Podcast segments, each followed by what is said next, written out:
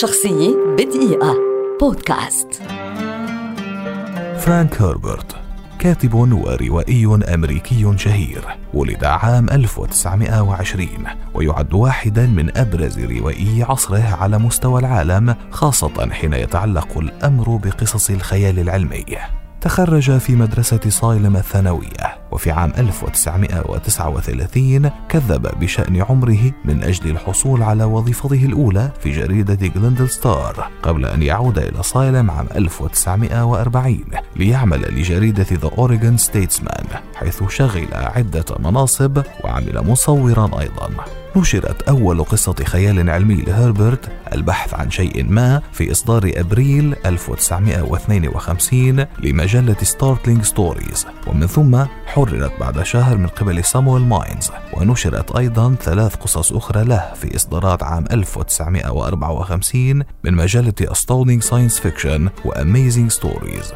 بدأ مهنته كروائي في عام 1955 بنشر مسلسل تحت الضغط في أستودينغ في نوفمبر عام 1955 ونشرت فيما بعد ككتاب من قبل دبل داي لكن نجاحه الأكبر وسبب شهرته الواسعة حول العالم جاء مع أبرز الروايات التي ألفها على الإطلاق وهي رواية ديون التي صدرت عام 1965 والتي استغرقت ستة أعوام من البحث والكتابة لتكتمل. وكانت أطول بكثير من الوقت المفترض لإنجاز الخيال العلمي التجاري ورفضت في البداية من قبل نحو عشرين ناشرا قبل أن تنتشر وتصبح أكثر روايات الخيال العلمي مبيعا.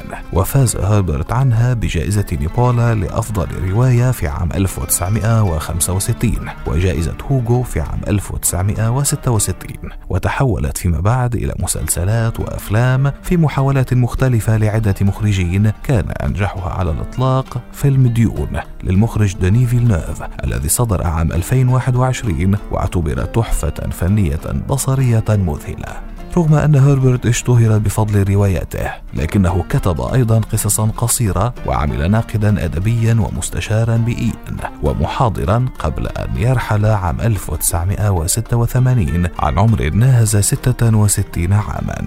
شخصية بدقيقة. بودكاست.